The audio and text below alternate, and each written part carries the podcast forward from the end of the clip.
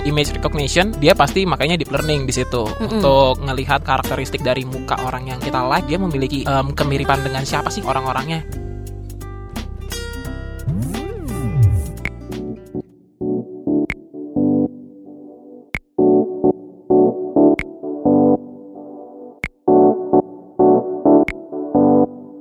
Halo semua, hai hai, kembali lagi bersama Maggie di Data Talks podcast mengenai data science dari algoritma. Seperti biasa, saya tidak sendirian. Kali ini saya bersama David Yes, David dari mana Fit? dari algoritma pastinya. Oh iya dong, perkenalan sedikit dong. Mungkin ada teman-teman yang dengerinnya pertama kali Oh. justru podcast kita ini. Oke, Mm-mm. boleh. Em, jadi perkenalkan, nama saya David, saya junior instructor di algoritma. Nah, hari ini kita akan membahas mengenai cinta. Waduh. Jadi ini kan bulan Februari nih, bulan yang katanya bulan penuh cinta karena di situ ada 14 Februari yang mana adalah hari Valentine. Jadi kita akan nyambung-nyambungin si data science dan cinta. Bisa ya? Bisa sambungin. Eh harusnya bisa Harusnya ya bisa di era sih. digital ya. Betul. Hmm, kalau ngomongin masalah cinta kamu punya pacar nggak? Waduh, pertanyaannya punya pacar banget nih, Gi. Ya udah punya istri mungkin. Oh, enggak, istri. Oh, tapi pacar punya. Sedang mencari. Oh sedang mencari. Nah mencarinya ini dengan cara manual atau cara digital? Bisa dua cara nih yang kita lakukan nanti nih. Oke, eh, cerita dong kalau David caranya gimana? Oke, kalau saya sih ya caranya masih cara manual sih untuk saat ini kayak gitu sih. Oh, datang ke, gereja gitu ya. Tiap minggu rajin ikut misa atau kebaktian gitu ya. Ya berat mengatakannya di sini Gi. Ya udah, itu manual kita lupain aja Oke. karena memang banyak banget cara manual mungkin Iya. ya sering nongkrong atau minta dikenalin temen. Nah, Atau dijodohin. Ah, atau dijodohin itu kalau cara manual. Tapi sekarang ini du- 2019 Mm-mm. harusnya cara digital dong, pakai dating apps. Ya. Nah, kalau dating apps itu kan kita eh, biasanya bikin suatu akun, Mm. kita pajang foto terbaik, Yap. terus kita bikin profil yang paling menarik gitu ya. Iya. Nah, habis itu akhirnya si aplikasinya itu akan membantu akan men- mencarikan eh, orang-orang yang sama nih mencari pasangan hidup juga kurang lebih Hmm, seperti itu. iya. Nah, yang saya pengen tanyain sama David, kira-kira sebenarnya ada nggak sih data science di balik itu semua? Kalau ditanya ada nggak sih data science? Pasti ada. Zaman sekarang aplikasi-aplikasi yang keren-keren kayak gitu pasti di belakangnya itu uh, memanfaatkan data sebagai yang mendongkrak bisnis mereka lah ibaratnya kayak gitu. Bahkan mungkin kayak misalnya mungkin yang paling uh, orang-orang tahu Tinder kali ya. Yes. Ya Tinder salah satu dating apps dia udah mulai make um, machine learning lah ibaratnya di belakangnya kayak gitu untuk mencari uh, mana sih orang yang kira-kira cocok untuk kita kayak gitu sih. Jadi memang sebenarnya ada machine learning di balik itu ya. Iya, Jadi secara ada. tidak langsung eh, data science membantu dong. Membantu. Membantu jombloan dan jombloati gitu ya. Nah, tapi saya pernah dengar nih Fit, istilah kalau yang namanya data science itu seperti PDKT. Oke.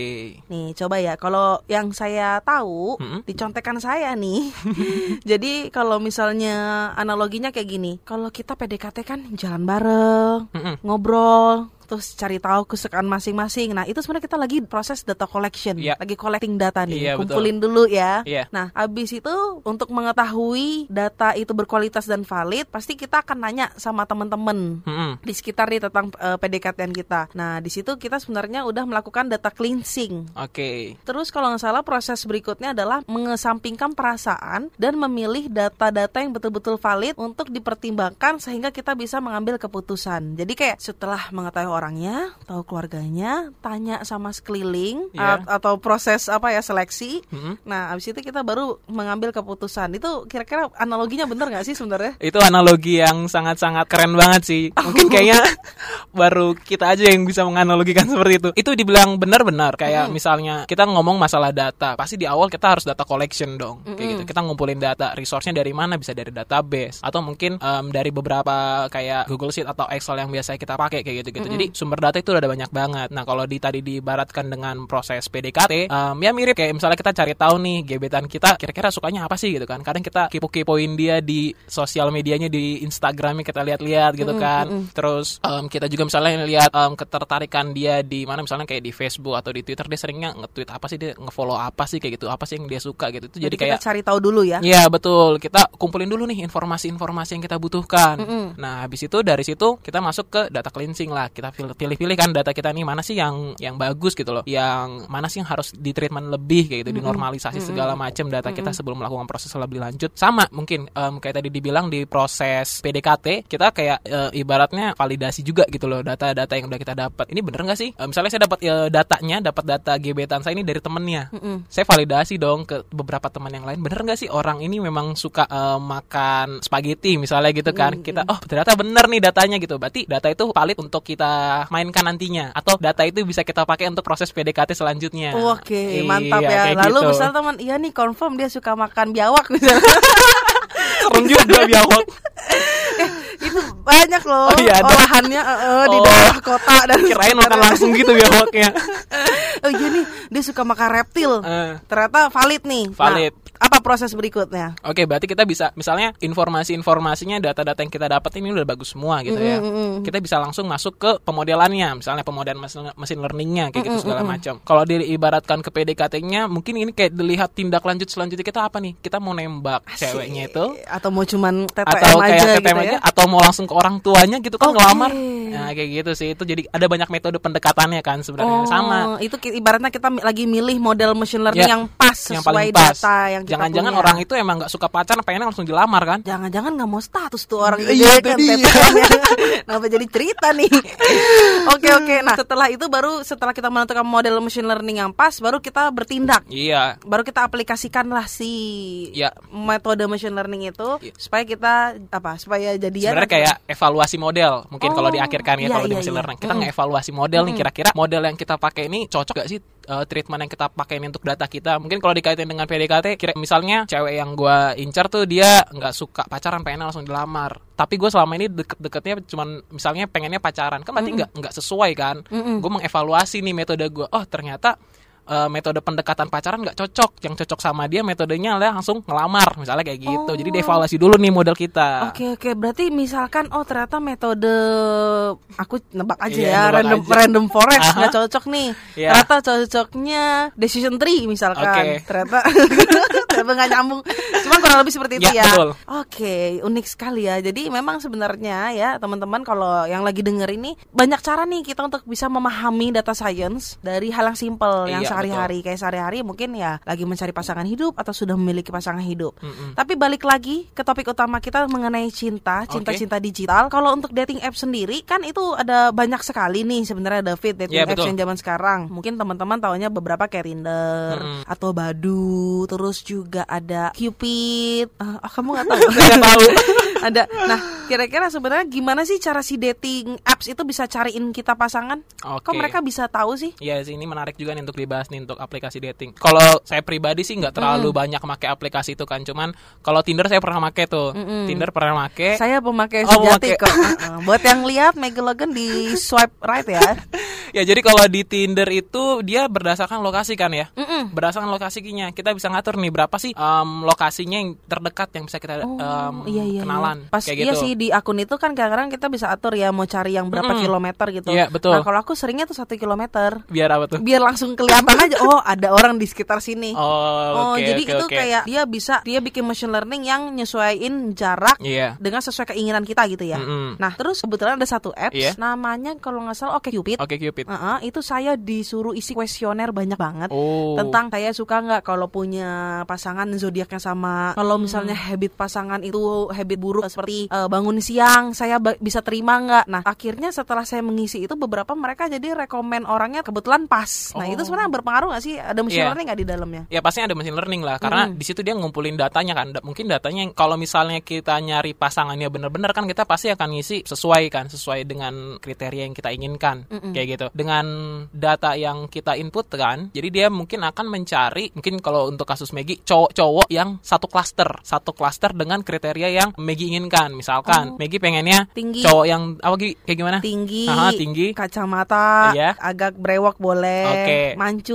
Nah kayak gitu-gitu orang-orang kayak gitu kan banyak. Mm-mm. Nah orang-orang kayak gitu tuh dikelompokkan. Nah orang-orang yang satu kelompok dengan kriteria yang Megi inginkan itulah yang direkomendasikan ke Megi kayak gitu. Oh, jadi misalkan klaster yang misalkan klaster yang berbulu, aku kan nggak suka berbulu misalkan, yang berbulu nggak akan direkomend ke saya, Enggak, enggak akan. karena saya memilih klaster yang tidak berbulu Iya gitu ya. betul. Yang direkomendasikan diaplikasikan tuh yang tinggi-tinggi kayak gitu-gitu. Oh, Nah, kalau tadi kan berarti salah satu data yang diambil untuk mengetahui kesukaannya aku nih adalah data adalah dengan kuesioner Ya, betul. Hmm, karena aku ditanyain macam-macam. Iya. Tapi sebenarnya selain kuesioner mereka ngambil datanya dari mana sih si machine learning dating dating apps ini? Oh ada banyak. Jadi eh, mungkin tanpa kita sadari dating apps pasti upload foto kan. Iya. Nah dari foto yang kita upload itu dengan teknologi zaman sekarang kita bisa pakai face recognition kayak gitu kan. Jadi kemiripan dari muka-mukanya itu bisa dikelompokkan Waduh, kayak gitu. tahu. Jadi bener-bener istilah eh, mirip itu jodoh ada juga ya diajari mesinnya kayak Iya gitu. kayak gini. em, tadi sebelum kita eh, sebelum saya ke sini saya tempat buka Tinder tadi, buka Tinder terus Hmm. Kedok-kedok risetmu itu Fit.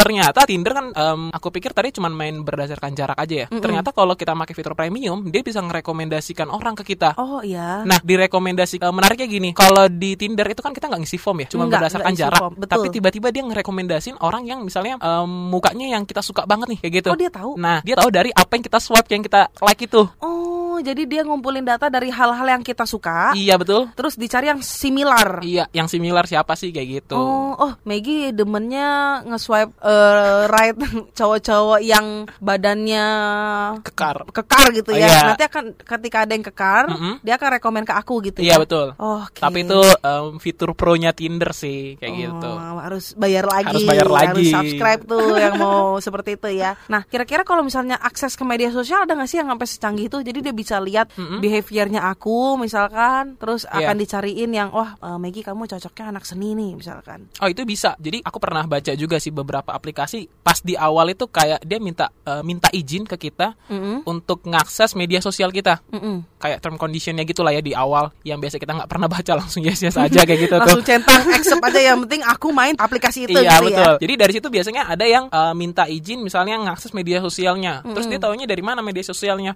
Bisa dari email yang kita registerkan. Misalkan Oh, emailnya iya, sama iya, kayak gitu iya. dia kayak ngelihat media sosial kita. Terus em, habit kita di media sosial tuh kayak gimana sih? Misalnya kita suka ngeliatin Oh yang zaman sekarang eh pecinta kopi penikmat senja Aduh, Tau apa sih yang itu? ala-ala ini Oh, iya, Yang iya, suka-suka iya, iya. pajak Eh pajak Sajak puisi Iya, iya, gitu iya. ya Iya, iya. Nah dia lihat sosmed aku Aku misalnya pecinta puisi dan segala macam Dia akan rekomen pria-pria yang romantis mungkin. eh, eh, Kayak Atau gitu. mungkin pria-pria yang bayonya juga puitis Oke, gitu iya ya benar, kayak gitu. Pinter banget itu ya berarti Iya ya pintar banget. Cuman Oh, yang pinter data scientist ya dong Iya benar data scientistnya.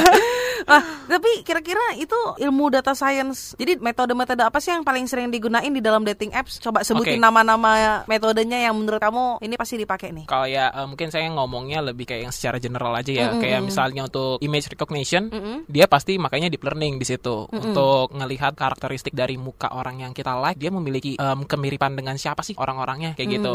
Misalnya eh, Maggie suka em, nge-like orang-orang yang bewokan, ya itu kan pasti orang-orang bewokan kan bisa deteksi kan tuh kan pakai neural network kayak gitu. Jadi dia akan mengelompokkan orang-orang yang bewokan itu dan itu akan dire- eh, direkomendasikan ke Maggie kayak gitu. Itu eh, mungkin pertama adalah tadi dari eh, image-nya, dari foto-foto kita. Bisa juga dari teksnya. Jadi dari teksnya dianalisis pakai NLP kayak gitu kan, dari eh, NLP apa jelasin Natural dong. Language Processing. Oh, Natural kayak Language Processing. Iya, itu biasanya untuk kayak ngolah teks, tahu suara kayak gitu-gitu sih. Jadi dari teks-teks, mungkin dari Twitter-Twitter yang Maggie tweet, dia bisa tahu nih kan, oh Maggie ternyata orangnya puitis. Oke. Kayak gitu. Cocoknya sama yang romantis. Cocoknya gitu sama ya. yang romantis. Jadi banyak sekali ya sebenarnya ya. Iya, banyak banget. Rekomen bisa merekomendasikan, terus juga di dalamnya ada clustering orang-orangnya dulu. Mm-mm. Klasifikasi ada nggak di dalamnya? klasifikasi harusnya ada sih harusnya ada dia kayak mungkin saya kan nggak tahu ya kelasnya dia tuh ada apa aja cuman mungkin bisa di dia mengkelaskan oh ini cenderung orang-orang Asia kayak gitu-gitu atau ini orang-orang Kebetulan ada fit. Oh, iya? Ada salah satu, tapi aku lupa nih Oke Cupid atau Coffee Meets Bagel. Buat teman-teman yang mungkin tahu sebenarnya aku bahas nih apps apa, boleh nanti langsung DM aja Instagram @tim algoritma. Jadi dia akan nanya, e, kamu suka pasangan yang berkulit putih, Oh. coklat atau misalnya atau misalnya agak gelap. Iya, iya, Terus iya. dia nanya, dia akan nanya "Kak, apa kamu suka yang matanya belok, sipit atau seperti apa? Sedetail itu ada. Itu sebenarnya Wow. dia lagi ngolek data ya. iya pasti The selengkap-lengkapnya. iya betul Supaya bisa rekomen yang tepat. iya gitu Oke, ini menarik banget. Tapi sebenarnya ke depannya bakal makin ini nggak sih, Fit? Bakal makin canggih lagi nggak sih? Oh pastinya karena yang namanya teknologi itu dia berkembangnya pesat banget kan. Yang mana kalau kita tahu data scientist ini dia pasti menerapkan teknologi Mm-mm. kayak gitu dan teknologi semakin berkembang. Yang pertama, yang kedua adalah data juga semakin banyak sekarang Oh iya. kayak gitu. Bahkan mungkin sekarang kuesioner-kuesioner yang dulu kan kita kayak ngisinya kadang asal gitu kan ya. Heeh, betul. Kadang asal tapi sekarang tuh banyak aplikasi-aplikasi yang udah membuat menjadi lebih menarik. Jadi kita ngisinya bener. Mm-mm, ngisinya bener kayak misalnya kayak kan biasanya kayak Google Form kita ngisi gitu kan itu kan boring banget ada yang sistem kayak berdasarkan kuis kayak kuis-kuis gitu kan. Kayak kuis misalnya makanan apa nih yang kira-kira kamu paling suka gitu kan. Itu kita isi kan dengan jawaban yang benar. Padahal itu sebenarnya tuh lagi collecting data eh, dalam bentuk survei kayak gitu. Oke. jadi sebenarnya data collectionnya itu Macem-macem udah caranya. ya. macam-macam caranya gimana caranya supaya orang yang dimintain informasi dia nggak merasa keberatan kayak gitu sih. Dia merasa nyaman-nyaman aja untuk ngisi kuesionernya dia kayak gitu. Oke, wah sepertinya kalau dating apps kayaknya nggak cocok ya buat orang-orang yang misterius ya nggak sih? Yang yang cool cool misterius. Karena karena dia akan bener-bener minta data secara kompleks Ya. bahkan tanpa diminta pun dia bisa membaca sendiri data tersebut supaya bisa rekomen yang pas. iya betul Oke, nah ini berbeda dari dating apps, tapi ini masih dalam ranah cinta. Jadi Oke. kalau aku nih fit kebetulan baru kemarin nonton tentang VR, jadi bisa cari pasangan VR. Jadi konsepnya tuh ya kita pakai download appsnya di handphone, Aha. handphonenya dimasukin ke apa alat VR-nya Iya. itu, habis itu udahlah bisa bisa pacaran lah di situ. Kalau itu data yang dikolek adalah justru tubuh wanita atau tubuh pria tersebut. Oke. Jadi gini-gini ada model, Aha. dia difoto semua 360 nih. Oh, oke, oke, oke. Terus harus habis itu dia dibikin avatarnya, dimasukkan ke apps tersebut. wow Jadi aku bisa membayangkan lagi jalan-jalan di pantai sama cowok. Padahal aku cuma di diam aja dan pakai VR. Wow, dan itu sebenarnya avatarnya kan bukan cowok aslinya Iya, kan ya? eh, eh, tapi cowok yang di dalam avatar tuh sangat-sangat mirip karena karena ya dia ngumpulin datanya begitu tepat Detail ya, gitu ya. ah. Nah itu sebenarnya bagian machine learning nggak sih? Atau Bisa. itu apa data science atau gimana? Karena gini, misalnya tadi kan di- yang